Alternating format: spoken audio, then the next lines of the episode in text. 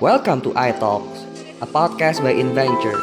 We're talking about business trend and marketing insight with interesting guests every week. You can follow our iTalks podcast on Spotify. So, please enjoy this episode.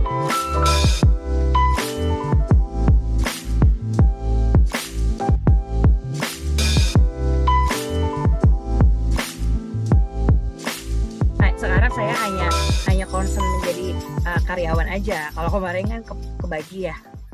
Oke, terus jadi yang ini gimana? Nggak diterusin atau gimana? Atau udah di Eh, sebenarnya dibilang masih jalan, masih jalan tapi pelan banget Pak, slow banget. Eh, terus sekarang saya dalam dalam eh, situasi kebingungan saya harus harus ngapain gitu dalam kata arti Ya. kalau mau bangkit apa dulu yang saya harus lakukan dari dari mana yang harus saya perbaiki dan saya mulai lebih ke kayak gitu sih Pak. oh eh sebelumnya ada tim nggak? sebelumnya ada tapi tim yang buka eh, tim yang gimana ya ngomongnya jadi produk saya ini kan lebih ke mengumpulkan pengrajin dari berbagai tempat gitu pak Ya. Nah, jadi bahan baku dan saya mempekerjakan eh, pengrajin ketika ketika pandemi eh, order juga udah mulai drop jadi Ya. mereka memang sudah tidak eh, bekerja secara full untuk saya gitu ya, lebih gitu sih pak ya, ya. ini udah saya bisa share screen oh bisa. Hmm, Udah. Mbak Anis cerita dulu ya. ya saya cerita sebentar ya pak. Di Heri kan di anu toh sudah masih di bisnis nggak sih? masih pak direktur Tapi kan banyak di- marketing Banyak di Satgas kan? ya banyak di satgas eh, mas Heri jadi satgas tetapi masih megang bisnis juga Oh, karena saya bareng sama dia di GPM gerakan pakai masker. oh gitu Mm-mm. Ya. Jadi, oke pak oke, jadi yuk. eh, jadi brand saya ini adalah namanya Sabu ya Pak.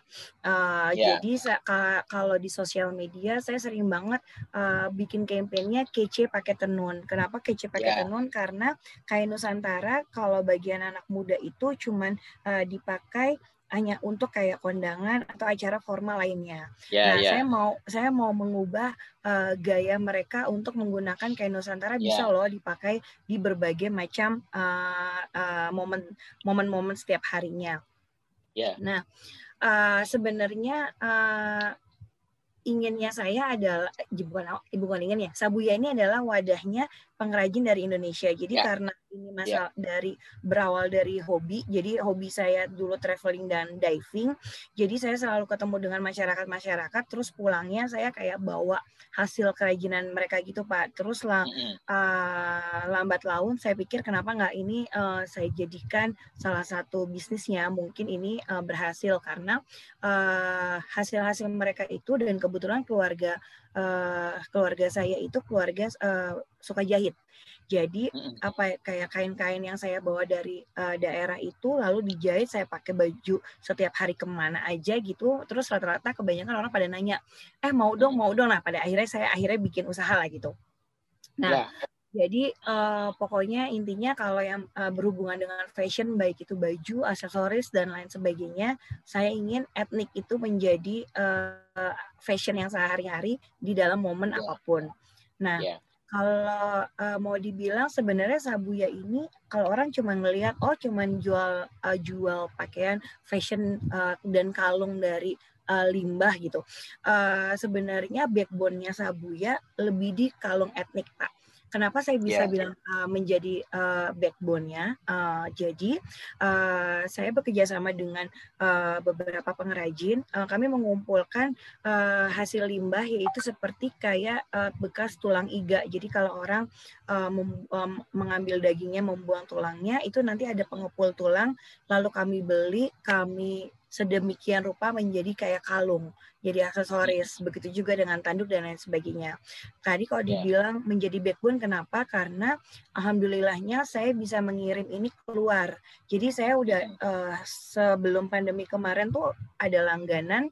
Kalau lang- eh, langganan yang eh, melalui jadi saya ada ada toko melalui di Bali Pak. Jadi kalau yang di Bali itu lebih customer untuk Jerman, uh, London, uh, Amerika yeah. sama ke Italia.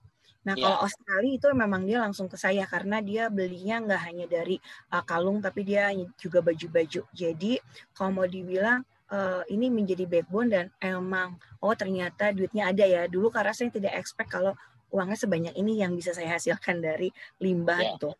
Yeah. Lalu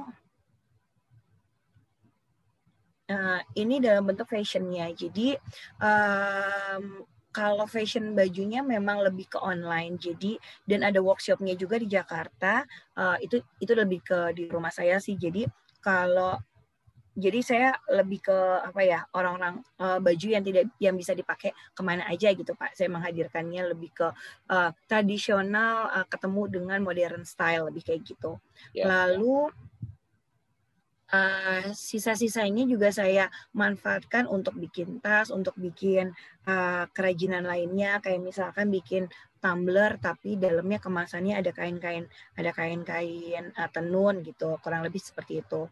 Nah ini ada di mana? Kalau di Jakarta emang lebih ke workshop, lalu uh, di Bandung tadinya juga ada di Baltos di Balubur Town Square, uh, di Balikpapan uh, ada di rumah Nirmana. Itu jadi kayak apa ya?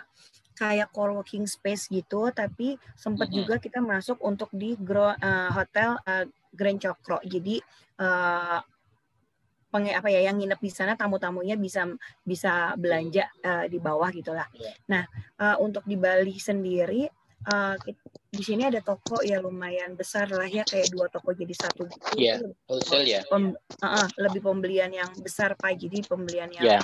uh, lebih kebanyak yang untuk dikirim keluar.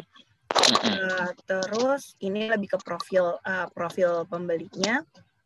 Emang kebanyakan perempuan karena memang produk-produk saya kebanyakan untuk perempuan, laki-lakinya lebih sedikit banget kayak hanya lima persen dari eh, lima persen produknya dari uh, penjualan. Lalu Oh ya, uh, untuk mengengage uh, customer karena uh, di Sabuya ini uh, kebanyakan uh, loyal customer. Jadi customernya sebenarnya uh, hampir kayak 70% tuh orang-orang yang itu-itu aja dalam kata arti ada produk yeah. baru, orang yang udah beli dia yeah. terus gitu, yang orang yeah. koleksi. Jadi saya sering uh, membuat kayak gathering dalam bentuk saya bikin workshop untuk uh, mereka, yeah. workshopnya apa pun gitu ya. Terus uh, ini lebih ke publikasi. Uh, alhamdulillahnya ada beberapa udah beberapa media. Sebenarnya saya terbantu waktu ketika uh, media TV uh, meliput saya sih Pak. Jadi yeah. langsung up yeah. gitu sebenarnya. Yeah. Nah, problemnya adalah uh, untuk toko offline memang hampir semuanya tutup bahkan mungkin yeah. admin oh, toko online-nya udah nggak yeah. ada, cash flow. Jadi cash flow yang kemarin saya yeah. bayar untuk ke semua pekerja dan apa ya uh, pengrajin-pengrajin pengepul yang udah dipesan terus sekarang saya saya karena toko yang toko yang di Bali juga udah tutup jadi seperdelapan barang saya kirim ke Jakarta di rumah. Sisanya saya saya sewain kayak kos-kosan untuk naruh dulu aja di Bali karena saya juga masih belum uh, tahu mau di apa ini gitu loh. Saya mau mau mulainya lagi dari mana karena yeah. uh, udah tim nggak ada jadi saya karena saya lagi kayak ya sendirian mau ngebangun lagi kayak benar-benar dari awal lagi gitu pak. Iya. Yeah. kurang lebihnya. Gitu pak. Siwo. Tadi kurang yang keluar tadi itu yang khusus ini ya? Kalau kalau bajunya enggak ya? Enggak pak. Hanya memang khusus uh, kalau yang aksesoris ya? Aksesoris. Hmm. Nah, sebenarnya di tahun uh, pas lagi ini kan sebenarnya lagi ketika saya buka yang untuk di Balikpapan itu karena di 2018 2019 tuh potensinya gede banget, Pak. Nah, uh, terus Balikpapan. Uh, ya Balikpapan. Nah, apalagi Kenapa? Apalagi kenapa, Pak? Kok Balikpapan potensinya bagus karena apa? Uh, karena di sana tuh banyak orang-orang yang suka apa ya suka sesuatu hal yang yang unik-unik sih pak. Jadi waktu itu uh, ekspatriat saya, bukan? Ekspatriat ya, enggak? Enggak juga sih kalau ekspatriat. Okay. Enggak juga sih lebih ke online malah kalau ekspatriat. Nah, yeah, uh, yeah. lalu lalu apa tadi ya? Oh, nah uh, ketika sebelum pandemi itu bahkan ada beberapa kedubes sebenarnya kedubesnya Indonesia yang ada di Dhaka sama di Belanda sebenarnya udah nge-planning di 2020 kemarin kita untuk pameran di sana gitu Pak. Cuma kan ya, karena ya. pandemi ya. jadi jadi ya. Ya. Nah sebenarnya pada saat itu saya mau menggunakan momentum nggak hanya untuk kaleng uh, aksesoris aja, tetapi kayak kain-kainnya, baju-bajunya juga udah mulai uh, keluar gitu. Tapi ya, ya. sayang gitu sih Pak kurang lebihnya. Ini udah berapa lama Mbak itunya mulainya? Dari 2015 Pak. Ya oke okay, ya. Ya, saya kira sih aku sudah udah baca ininya sih Mbak, udah baca apa yang dikirim ke saya itu. Secara marketing sih menurut saya sudah benar ya. Artinya ya Mbak udah ngerti lah kira-kira apa itu brand udah sudah ngerti dan harus aktivasinya, marketingnya segala macam sih menurut saya sih sudah oke. Okay. Tinggal memang ini kan masalah pandemi kan, masalah pandemi uh, dan memang certain produk itu memang terpaksa harus menunggu gitu. Artinya demand nggak ada kan, jadi kan back to the bottom gitu. Um, masyarakat itu udah yang secondary udah enggak. Ya kalau kita nggak pivot, kita nggak pindah. Ya misalnya kemarin saya dengar di Banjarmasin itu dulu ya tahun lalu itu travel agent kan memang tutup semua ya. Emang nggak bisa mau dipaksain gimana. Kalau di travel agent ya nggak bisa. Makanya terus pindah ke kuliner ya. Kuliner pun kan dine in-nya juga berat gitu ya. Jadi memang certain business memang uh, harus diakui uh, terpaksa harus nunggu kan. Apalagi ini kan anu toh secondary gitu. Ya. secondary. Tetapi kan ini mudah-mudahan ya uh, vaksin ini kan sudah mulai dan tak lihat tuh jalan-jalan sudah mulai macet. Mall juga sudah mulai rame ya. Walaupun nanti ada ada ancaman gelombang kedua ya itu takutnya nanti. Tapi ini bagus sih pemerintah nggak nggak memperbolehkan mudik ini karena kalau mudiknya takutnya nanti balik belum apa apa ya, udah balik lagi, lagi ya, gitu. Mm -mm. jadi lebih baik pelan pelan lama tapi pelan pelan tapi tapi merangkak naik lah daripada naik turun naik turun kan. Nah, ini di dibebaskan gitu kan nanti kan terus takutnya kan gelombang kedua. Tapi yang saya lihat sekarang eh, pertama consumer confidence itu udah mulai naik ya dan orang udah karena gencatan ekonomi sih sebenarnya terutama yang di kelas bawah ini. Kalau kelas menengahnya masih masih nggak keluar ya tapi yang bawah itu udah mulai keluar dan mudah-mudahan sih uh, consistently akan akan apa uh, konsumen itu udah mulai bangkit lah. Artinya apa? Artinya kita udah bisa mulai itu loh mbak Ya, nek, betul nek selama tahun 2020 kayaknya mau strategi kayak apa kan agak berat ya, kan? Benar. Ya, memang memang harus menunggu. Nah, e, secara konsep, Mbak, saya kira sih sudah mencukupi ya. Cuman memang e, mungkin ini saya sih lihatnya ada dua ini ya. Yang pertama adalah yang kalau kalau ngomong as, ya pasar luar sama dalam omsetnya kira-kira berapa proporsi, Mbak? Uh, lebih ke 70% dari luar, Pak. 30. Oh, 70% ya? Berarti banyak yang itunya dong, yang kalungnya dong, yang aksesorisnya ya, dong. Iya benar Pak. Karena kalau misalkan permintaan dari luar itu kayak kayak ngirim tuh bisa langsung satu model betul. kalung tuh ratusan gitu Pak. Betul betul. Nah, ini yang dari Bali atau Mbak Anu sendiri? Dari ya, wholesale ya. atau? Ini yang dari Balinya Pak. Yang dari wholesale kan? Uh, uh, ya. Dari wholesale-nya. Terus sekarang permintaan dari luarnya juga turun ya, juga memang mati juga, atau tetap ada? Bukan turun pak, nggak ada malah pak.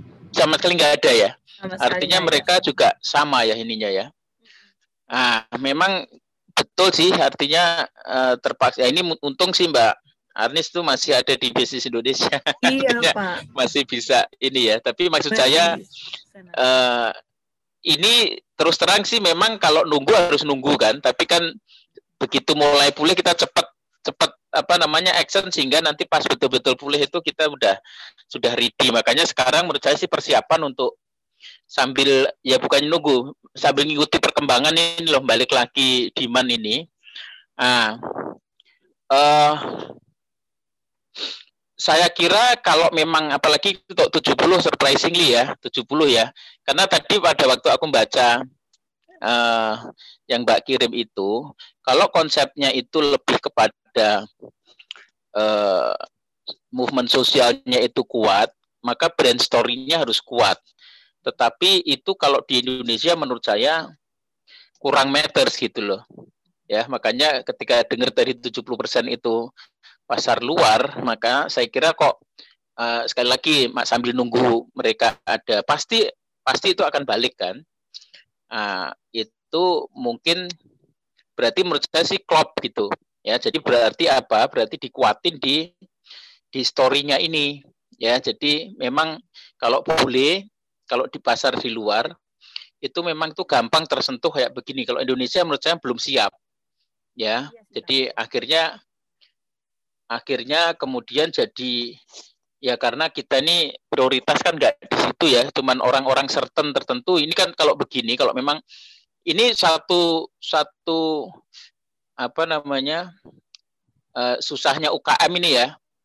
Jadi idenya terlalu menurut saya terlalu tinggi, segmennya juga terlalu tinggi ya. Kalau kita ngomong lingkungan tuh atau kita ngomong sosial ya, dan sosial. Tapi secara secara kelembagaan kita ini kan di kalangan orang yang atas itu mungkin juga tanggung gitu loh, Pak. Itu itu selalu kalau kita ngusung konsep konsep yang sifatnya uh, sosial dan lingkungan. Tapi bukan berarti nggak bisa sama sekali sih ya. Saya kira pelan-pelan nanti brandnya dibangun. Ah, kalau memang mau fokus ya, jadi mungkin gini mbak, kalau saya lihat ya ini praktisnya ya. Uh, kalau yang luar sudah mulai dirintis sekarang ya. Uh, kalau memang uh, apa namanya, kalau memang di yang di Bali masih masih belum, sekarang mungkin sudah mulai dipersiapkan untuk untuk yang uh, kita uh, tetap pakai channel tapi channelnya channel digital ya kan yang paling gampang nanti boleh mbak saya temuin sama mbak namanya mbak Amalia ya jadi saya itu memang di belakang saya jadi naik rumah sakit itu kayak rujukan nih loh mbak. Jadi kan saya kan bukan Superman jadi ada nanti yang bantuin. franchise ya, gitu. Ah, gitu. Nah mudah-mudahan saya kebetulan mungkin Mbak Arnis kenal juga. Ini karena rumah yang terkenal juga Mbak Amalia Prabowo. Jadi dia sekarang kebetulan jadi kayak kayak ini untuk anu ya nembus globalnya ya, untuk nembus globalnya. Jadi dia lama eksekutif di uh, agency, advertising agency, udah mungkin udah 25 tahun kali. Terus terakhir dia menjadi CEO untuk apa partnernya Indonesia untuk Alibaba. Nah, dia sekarang lagi uh, tugas dia itu adalah mengumpulkan pelaku terutama UKM untuk bisa masuk di platformnya Alibaba dikurasi sama dia. Nah, bagusnya di situ adalah uh, ini ini partnernya Alibaba ya, tapi punyanya orang lokal sebenarnya. Nah, saya ketika diceritain dia juga agak surprise ya. Kan dipikirnya begitu udah masuk di Alibaba, sama lah begitu dimasuk di Tokopedia itu terus everything will be okay gitu karena kita udah display terus nanti konsumen datang sendiri tapi kan nggak begitu ya yang dia bantu itu nanti cari buyer yang yang gede-gede di luar itu ya makanya kalau ini memang menurut saya konsepnya kan sudah kuat mbak makanya dari si mbak Arnis menurut saya dikuatin di storynya ya sana paling tersentuh itu kalau kekuatan story itu yang nanti di di baik di Alibabanya maupun maupun di di lokalnya ya. Tapi menurut saya terutama yang di anu ya di di luar ya. Artinya nanti eh, apa kampanyenya mestinya juga in, in English ya. Nah, itu di dikuatin. Eh, saya nggak tahu apakah sudah disusun konsep ininya ya, brand brandingnya, brand brand story-nya ini. Tak lihat kan mungkin tadi kan tak lihat sudah ada kanvas ya, tapi kanvas itu kurang tajam. Kalau ada branding itu mestinya akan akan lebih.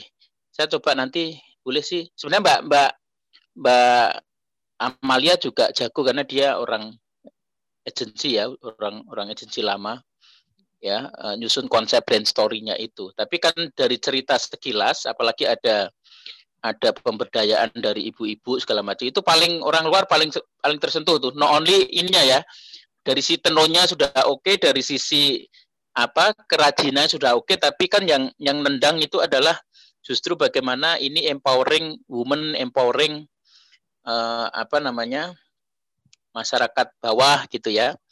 Karena di masa pandemi ini juga barangkali bagus juga kalau dilingkan ke ke pandemi. Saya nggak tahu apakah bisa nyambung nggak ya.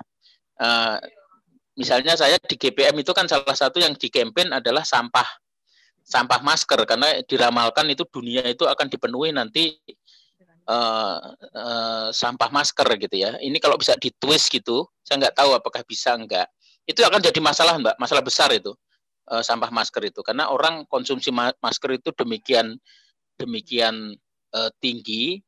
Terus kemudian bahayanya dua. Pertama adalah uh, banyaknya uh, masker itu sendiri, ya sampahnya. Yang kedua adalah potensi penularan karena kalau apa buangnya atau atau ngolahnya nggak benar itu bisa potensi penularan juga gitu.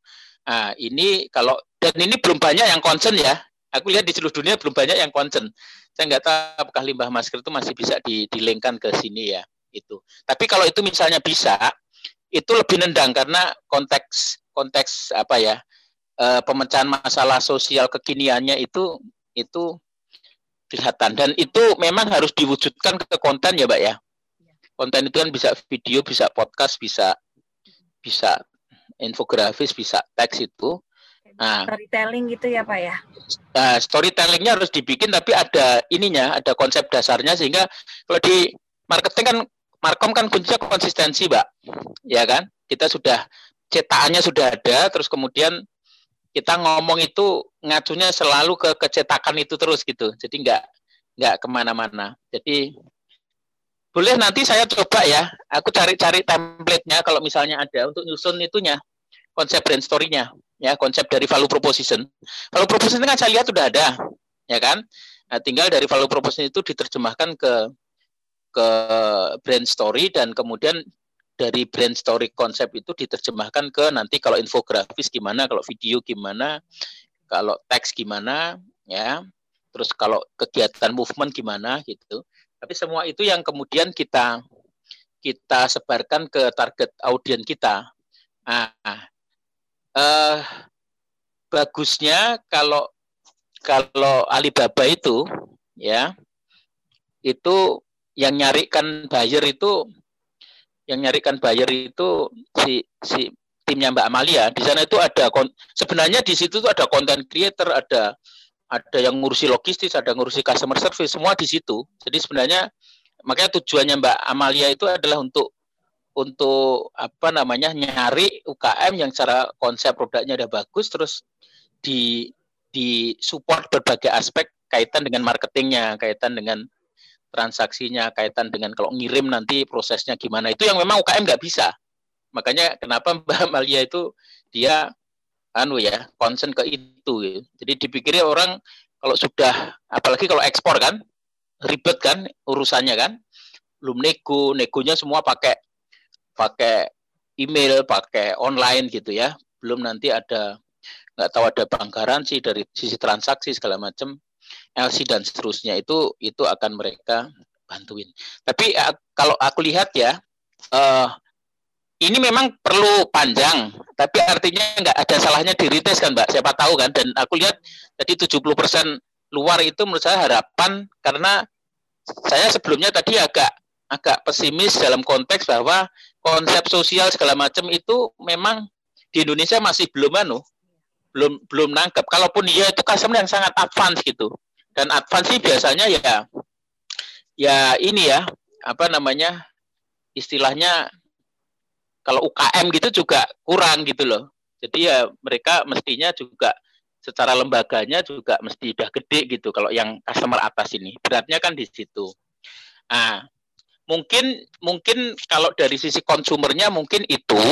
Terus kalau dari sisi uh, di ke dalamnya apalagi sekarang itu kalau ke konsumer memang masih agak berat kan Mbak kalau ke konsumer ya makanya kok saya cenderung mungkin pendekatannya lebih selling ke B2B-nya Mbak uh, Anis kan sudah nyoba itu ada Adira dan seterusnya ya jadi ya. yang peduli-peduli gini ini kan anu ya BUMN banyak yang peduli Astra segala macam mungkin untuk ini konteksnya untuk bertahan ini.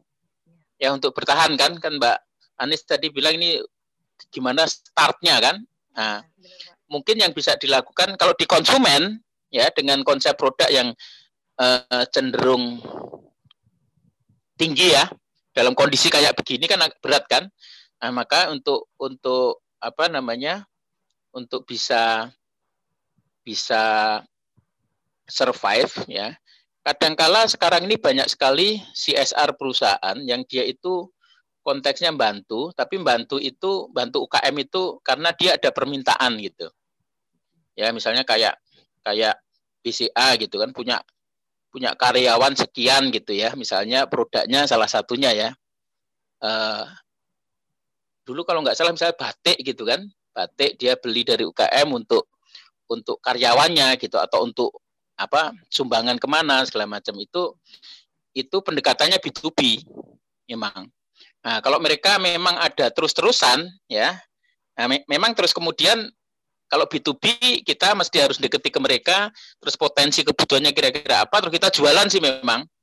Ya, jadi walaupun memang kerangkanya kerangka apa namanya uh, eh, CSR, tapi ya kita mensikapinya jangan CSR. Artinya bahwa di masing-masing perusahaan itu karyawan itu sendiri kan anu kan market kan. Ya, misal contohnya seragam tadi itu misalnya ya atau apa pun masing-masing perusahaan mungkin akan beda-beda. Ada yang memang motifnya betul-betul bantu, tapi ada yang motifnya juga uh, apa namanya ya market gitu. Market artinya mereka butuh dan kita bisa dan ada faktor bantunya itu. Ada faktor bantunya. Makanya yang dijual adalah bagaimana kita ini memberdayakan itu loh, Pak. Itu kenapa di di korporasi akan lebih uh, apa namanya? akan lebih bisa diterima gitu, ya.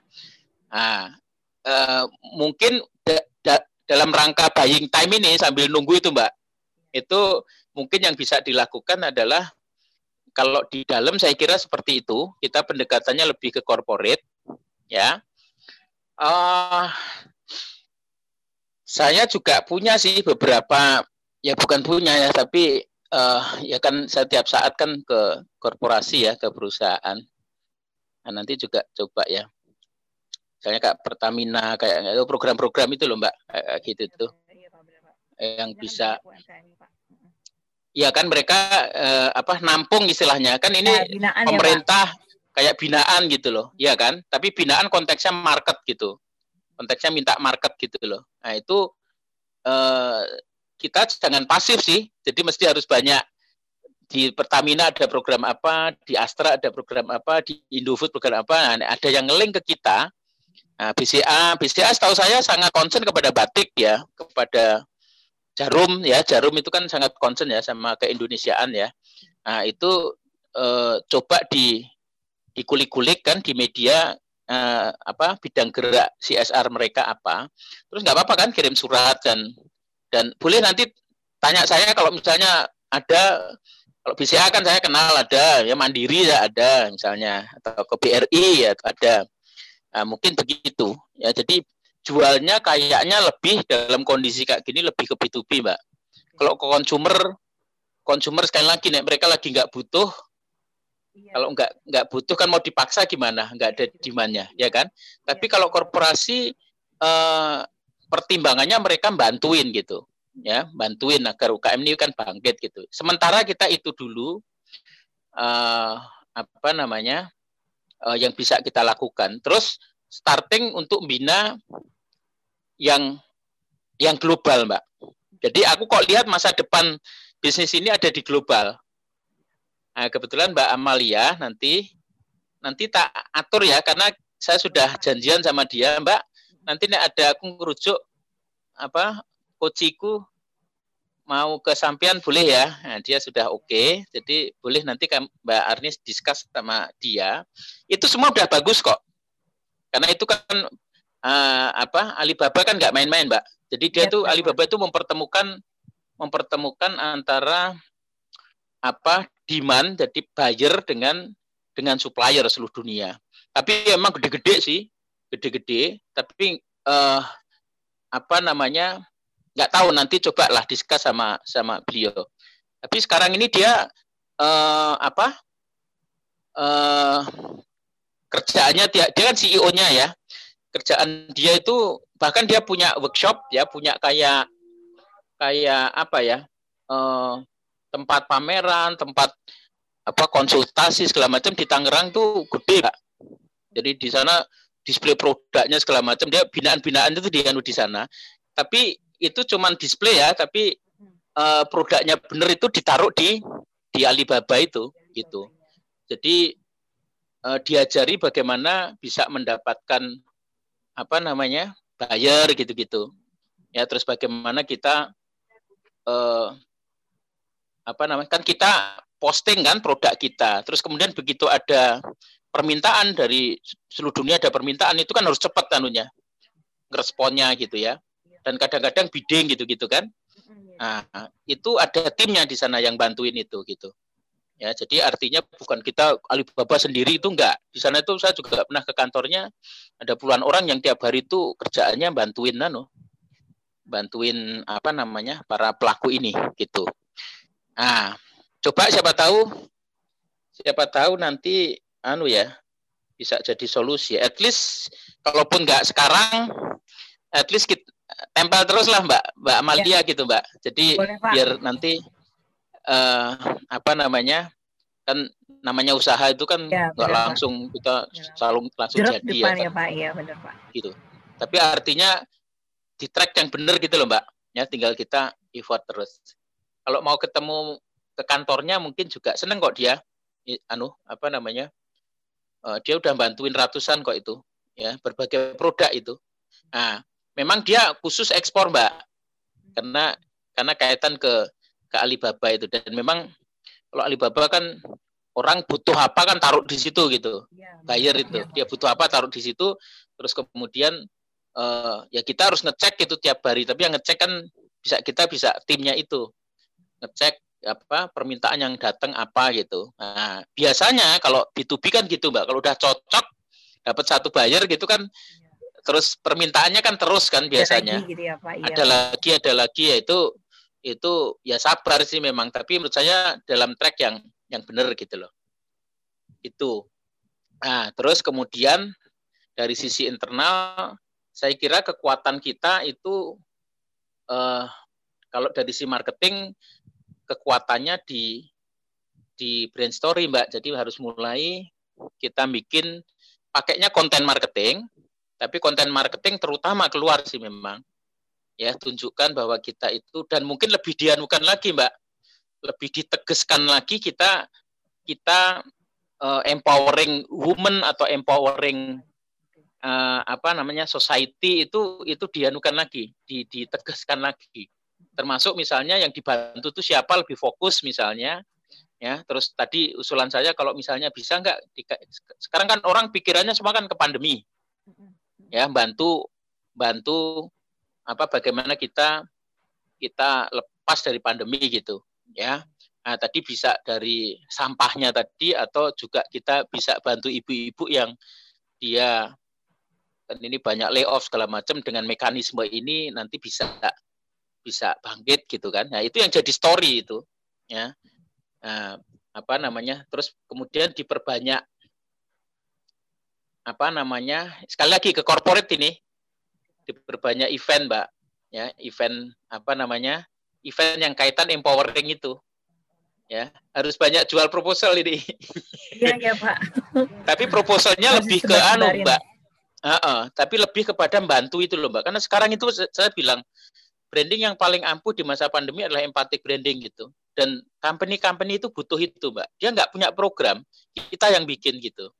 Mereka nggak kepikiran gitu loh ya kreatifnya itu nggak kepikiran makanya uh, kita ngajukan ke mereka tapi objeknya adalah binaan kita gitu ya objek dari CSR-nya itu adalah binaan kita nah kalau itu terkumpul nanti kan jadi portofolio untuk kita jadikan konten yang kita kita bawa yang ke Alibaba itu mbak. Ya. Itu itu kalau di luar itu laku banget mbak. Kalau di sini agak anu deh kita masih mikir perut lapar di sini. Iya, iya. Ya, tapi kalau di sana ini kan masa masa pandemi kan seluruh dunia susah terus bagaimana masyarakat itu bangkit ya yang para pengrajin itu. Nah kan ini kan kayak fair trade kan? Nah fair trade-nya mungkin juga dia mbak ditekenin tuh ya mungkin bisa lihat-lihat SDG mbak. Apalagi kalau dibawa ke SDG keren itu. Karena SDG kan konsep yang uh, apa uh, konsep yang universal ya yang yang orang seluruh dunia ngerti gitu. Kalau kita ini kecil tetapi kok mikirnya SDG ya. Apa uh, eh, SDG itu apa? Sustainable Development Goal Mbak. Itu ada berapa? 15 ya kalau nggak salah. Ya 15 Pak. Nah, 15 itu kalau kita bisa. Jadi ini agak jualan konsep juga gitu loh Mbak. Karena kan customer kita ini kan advance Mbak. Iya kan? Kita ini kecil tapi ah, customer kita tuh terlalu advance gitu. Kita harus ngikuti keadvansan mereka gitu. Makanya uh, kayak kemarin ya, misalnya saya kan diminta sama Move ya, Mandiri Utama Finance gitu. Nah, dia itu kalau di lembaga keuangan itu ada namanya Sustainable Finance ya. Itu sama sekali dia belum punya program terus minta tolong saya, Mas ini gimana ya? Kita ini untuk compliance ke OJK ini harus ada Sustainable Finance. Dan itu harus ngeling ke SDG gitu. Ya, Move itu ya gede Mbak anak perusahaannya. Ya, Mandiri. Bank Mandiri kan. Nah, mereka tuh nyari-nyari karena selama ini bisnisnya nggak ngarahnya nggak ke SDG ya bisnis murni gitu. Ya dia nyari-nyari SDG aja susah gitu loh. Tapi Mbak Anies kan by default kan SDG sebenarnya walaupun kita nggak nggak ngerasa ya tapi kalau di link-link kan banyak sekali itu ya mengenai Saya employment sih emang Pak iya kan banyak, ya, saya baru, banyak sekali. baru kepikiran karena Bapak ngomong oh iya ya oh ya. iya sih gitu iya iya karena SDG punya nilai nilai yang tinggi Mbak di di luar gitu. Uh, itu akan beda kalau kita ngomong nggak pakai SDG sama pakai SDG gitu. Walaupun konten itu sudah ada, sementara Move itu belum ada, Mbak. Move itu nggak ada, tapi dia udah ngerti SDG dan pengen ke situ. Kita ada, tapi kita nggak kepikir gitu loh. Ke situ, ya. Itu kan. Nah, dan kita tuh sincere gitu. Sincere itu artinya memang bantuin mereka. Kalau Move itu enggak, itu dalam konteks untuk agar annual reportnya bagus, agar corporate image bagus gitu-gitu. Karena di dalam lembaga keuangan itu sustainable finance itu di dalam annual report itu harus ada, Mbak. Anu ada sustainable finance itu harus ada di dalam annual report itu harus ada. Jadi kewajiban dari regulator, maka dia tuh quote and quote kayak kepaksai loh, Mbak. Itu kan bedanya Mbak Ani sama dia gitu. Ya enggak? Iya. Mbak Ani itu nggak perlu report, nggak penting kita report gitu. Tapi kita ya, ini benar-benar bantu kan sincere bantu gitu. Bahkan kita membuat dari awal itu tujuannya salah satunya no only business. Nah itu yang sebenarnya bisa di, dijadikan konsep, jadikan story yang itu kita kita jual gitu. Jadi website mesti harus kunci loh mbak, ya kan? Karena begitu memang di Alibaba lah misalnya nanti. Tapi kan orang sekarang ngecek ngecek vendor itu kan semudah kita ngeklik namanya kan di Google kan.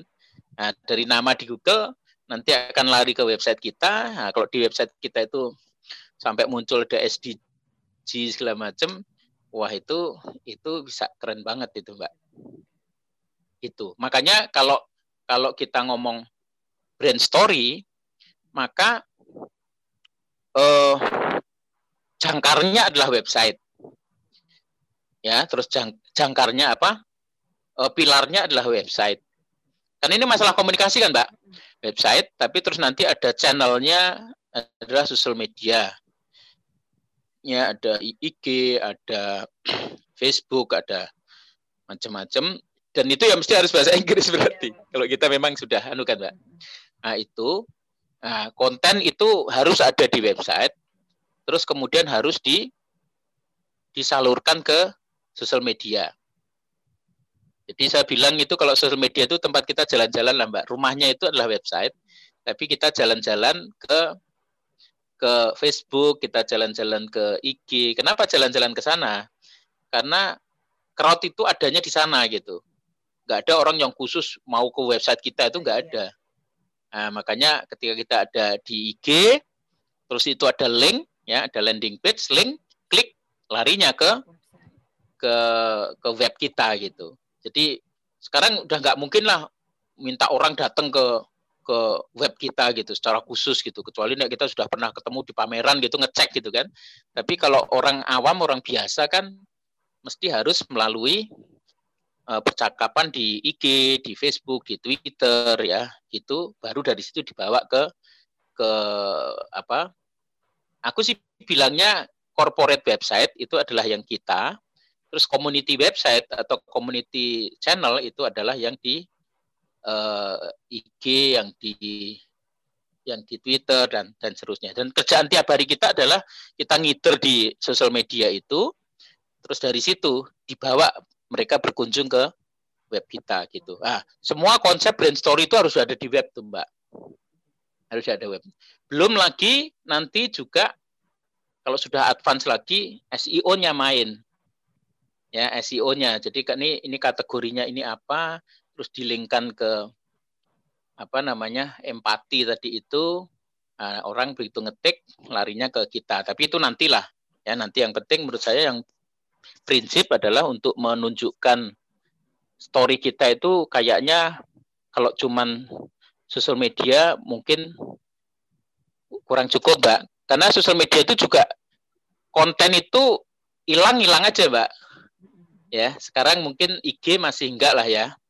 Tapi Facebook itu begitu kita kita posting, saya nggak tahu tuh tahun depan itu postingan itu masih ada atau enggak itu. Kalaupun ada pun mungkin kita ngetrace-nya juga susah. Tapi kalau kita makin banyak konten itu semua di hosting kita, itu makin kaya konten makin bagus dan itu ngumpul di di web kita gitu. Jadi harus mulai digitalnya nanti web, kemudian sosial media, terus kemudian marketplace ya tadi kalau keluarnya kan kita channelnya katakanlah di Alibaba tapi juga di Shopee juga di Tokopedia tapi di di web kita mesti harus semua sumbernya di web kita gitu. Gitu mbak anunya. Ya apa namanya? Uh, aku nggak tahu ini memang effortnya banyak tapi menurut saya ini kan mungkin nggak seurgen kalau kita hidupnya hanya dari sini nih karena masih ada bisnis Indonesia artinya kan masih bisa bernafas, tapi artinya menurut saya bukan kemudian ini dikesampingkan gitu loh Mbak, tetap ya, yang ini iya, tetap Mbak. prioritas kan.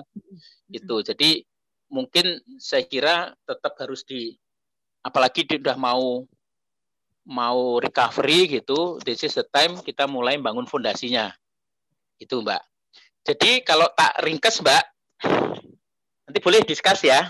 Tapi nek tak ringkes dari dari omongan ini yang pertama adalah nanti saya coba uh, hubungkan ke Mbak Amalia itu untuk konteks kita nembus global ya. Nah, Bu Amalia nanti akan bantu dari sisi bagaimana karena dia punya platformnya via Alibaba. Itu kan konkret, Mbak, ya. ya, ya. Nah, nanti coba beliau ininya apa? apa guideline-nya uh, apa uh, panduannya apa ya. Terus yang kedua dalam rangka survival konsumer masih agak sulit cenderung ke B2B mbak ke ke, ke, ke institusi mbak ya. Uh, coba dikulik-kulik gitu program CSR di di bisa di pemerintahan ataupun di paling enak sebenarnya anu sih korporasi. Naik pemerintahan kayaknya biasanya ruwet lah. Iya. ya kayak BCA kayak Astra ya. Sekarang ini banyak sekali mbak anu program itu karena memang orang kan lagi susah semua kan dan orang semua berkepentingan memajukan UKM gitu ya yang kira-kira nyambung. Terus ya memang kita harus beri proposal. Nggak bisa kita nunggu dipanggil kan. Ya. jadi coba cari kontaknya. Nanti kalau misalnya saya bisa bantu uh, misalnya mbak bilang BCA gitu nanti bisa tak cariin kontaknya siapa gitu. Mungkin nggak langsung tapi dari temen nanti tanyain gitu-gitu ya, ya yang namanya usaha mbak.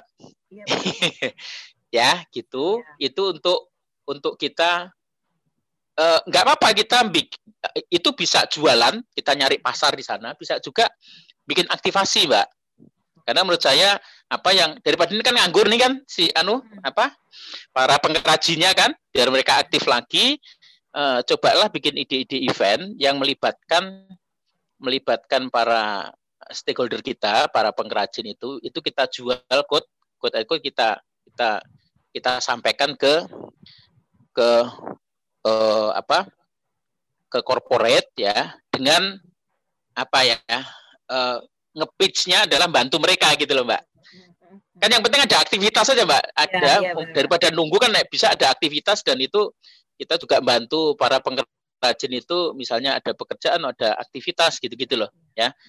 Karena kalau pengusaha nganggur itu bahaya, Mbak. Iya benar, Pak. Jadi ya toh, nek berhenti itu bahaya. Jadi nggak apa-apa muter apa namanya uh, tetap jalan walaupun duitnya nggak ada gitu. Itu lebih mending gitu daripada sama sekali nggak ada. Nah itu. Nah, terus yang ketiga ini mungkin agak lebih berat tapi mesti harus dimulai yaitu pertama bangun brand story. Sebenarnya markom itu dua mbak simple. What to say sama how to say. What to say berarti yang saya tadi bilang mbak brand story kemudian dilingkan ke SDG apa yang mau kita omongkan. Terus kemudian deliverynya delivery dari brand story itu adalah idealnya memang kalau bisa sudah mulai bangun website ya. Website itu sebagai display kita yang utama ya. Terus dari yang utama ini kita linkkan dengan berbagai channel digital mulai dari sosial media kemudian ke marketplace ya. Luarnya misalnya eh, apa eh, Alibaba dan seterusnya terus kemudian Tokopedia, Shopee, semakin banyak channel kan semakin bagus gitu ya. Cuman memang semakin banyak channel ya lebih ribet ngurus ngurusnya kan karena semua diurus kan nggak boleh nggak nggak nggak bisa nggak diurus gitu. Mungkin tiga itu Mbak Anuku Mbak apa namanya uh, ya ini bukan solusi ya, lah Pak. tapi iya. uh, uh, kira-kira urun rembuknya lah Mbak nek solusi nanti kan dipikir anu nih orang hebat gitu, orang dukun Tapi gitu ya. hebat toh, Pak. Enggak lah, Mbak. Nah, tiga itu ya. Eh, kebetulan Mbak Amalia ini cari sih orang-orang yang mau ekspor sih. Tapi ya syaratnya syaratnya produknya memenuhi gitu, Mbak.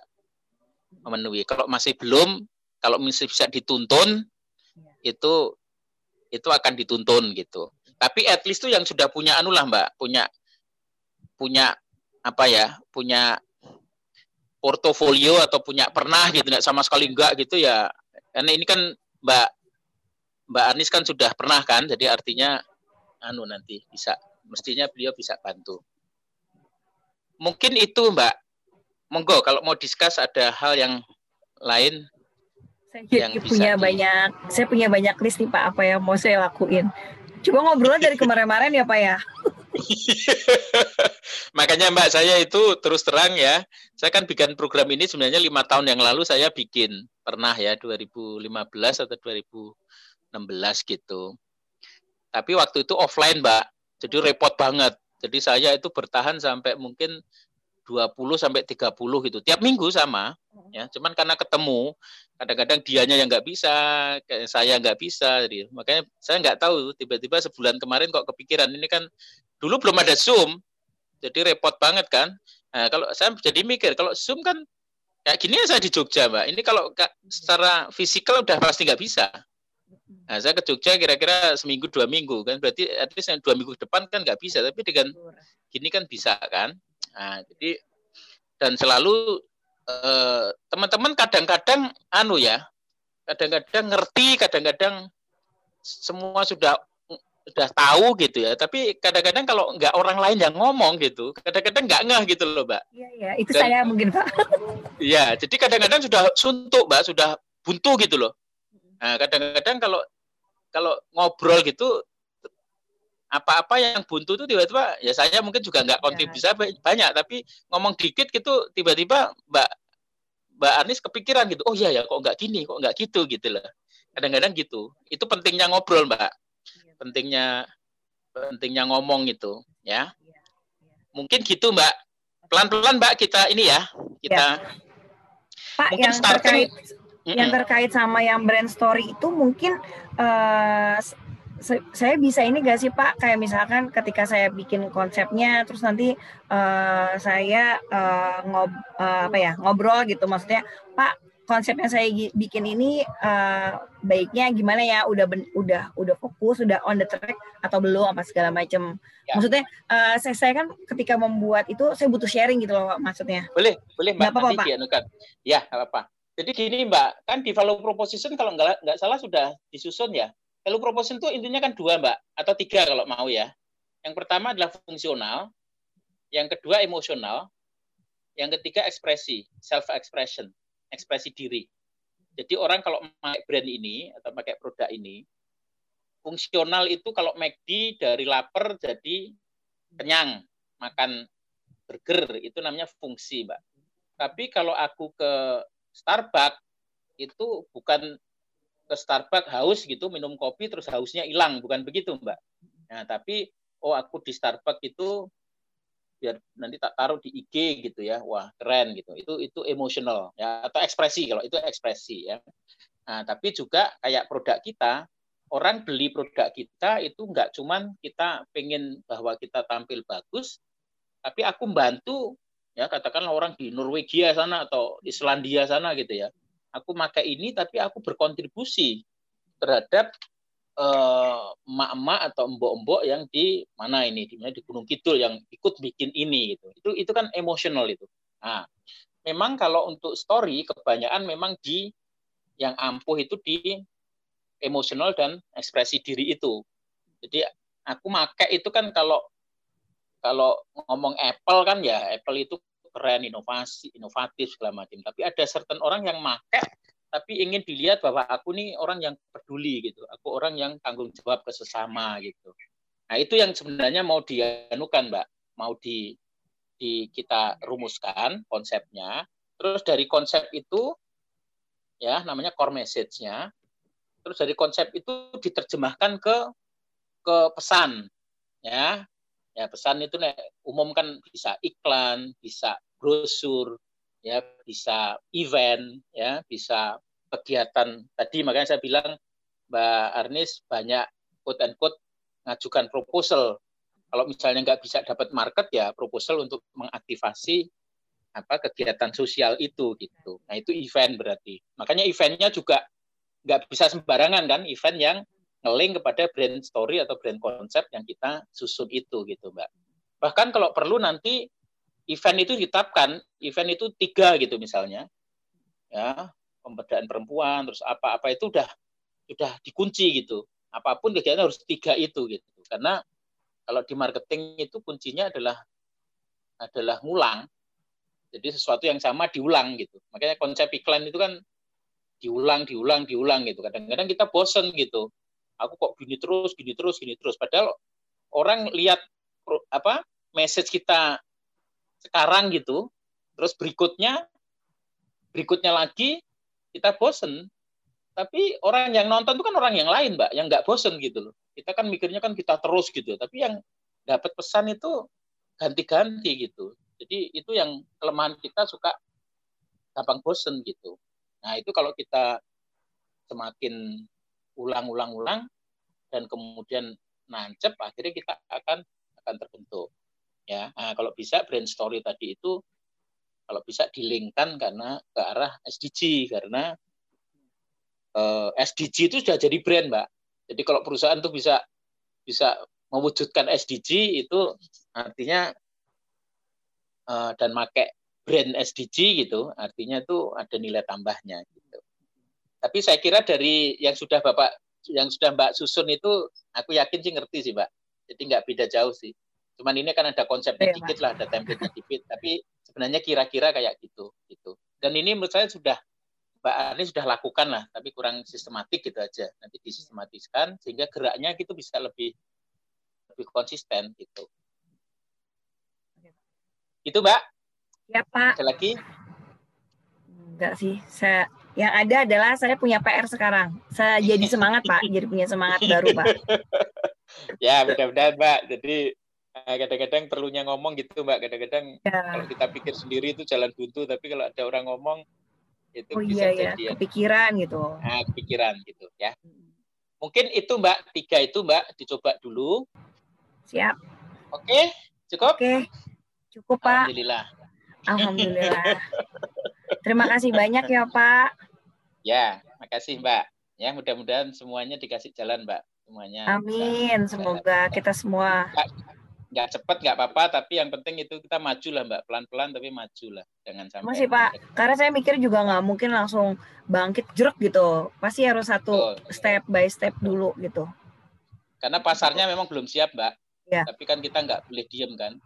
Ya ini menurut saya sih kalau tahun lalu gitu mungkin saya nggak bisa ngomong banyak mbak karena nunggu nunggu pasar itu. Tapi nek sekarang vaksinnya sudah mulai oke, okay, orang sudah mulai keluar, saya kira this is the time to start gitu. Ya untuk to initiate gitu, Mbak. Jadi harus mulai sibuk lagi, Mbak. Jangan jangan sampai entrepreneur nggak sibuk, Mbak. Benar, Nek Pak. Benar, itu, Pak. Namanya kan businessman, Mbak. Nek businessman itu kan dari kata busy. Kalau sampai Mbak Anies nggak sibuk itu berarti sibuk. masalah itu. Nah ya benar Pak itu masalah Pak. Aduh. Oke. Okay? Oke okay, siap Pak. Oke okay, makasih ya Mbak ya. Ya terima kasih Pak Siwo, makasih okay. Mbak Hani, makasih Mas Ika. Ya. ya.